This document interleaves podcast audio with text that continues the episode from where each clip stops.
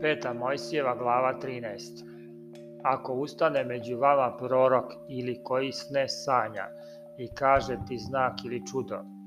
pa se zbude taj znak ili čudo koji je ti reče i on ti kaže hajde da idemo za drugim bogovima koje ih ne znaš i njima da služimo. Nemoj poslušati šta ti kaže taj prorok ili sanjač,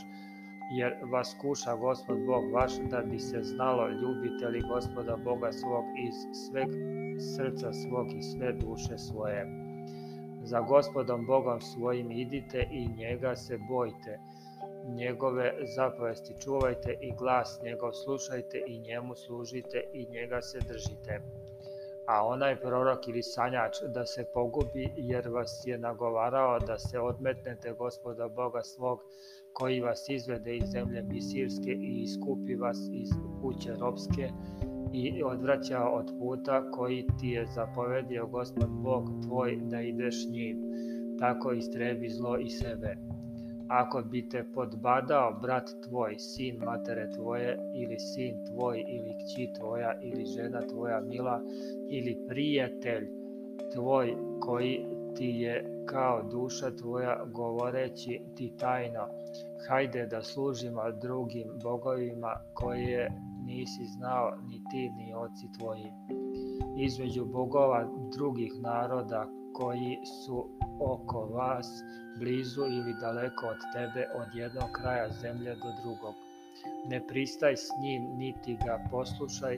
neka ga ne žali oko tvoje i nemoj mu se smilovati, niti ga taj, nego ga ubij, tvoja ruka nek se prva digne na nj, da ga ubiješ, pa onda ruka svega naroda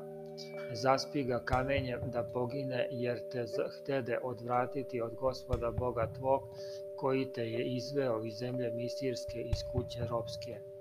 Da sav Izrael čuje i boji se i da se više ne učini tako zlo među vama. Ako za kakav grad svoj,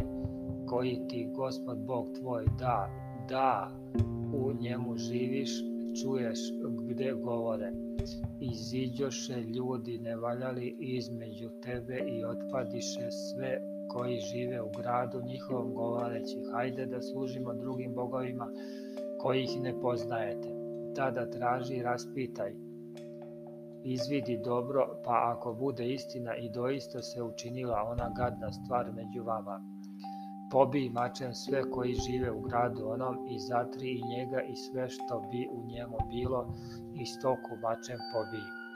I sav plen iz njega skupi nasred ulice njegove, spali ognjem i onaj grad i sav plen iz njega gospodu Bogu svom, da bude gomila doveka i da se više ne sazida. I neka ti od prokletih stvari ne prione ništa za ruku, e da bi se gospod povratio od žestine gneva svog, učinio ti milost i smilavo se na te i umnožio te kao što se zakleo ocima tvojim kad slušaš glas gospoda Boga svog, držeći sve zapovesti njegove, koje ti ja danas zapovedam da bi činio šta je pravo pred gospodom Bogom tvojim.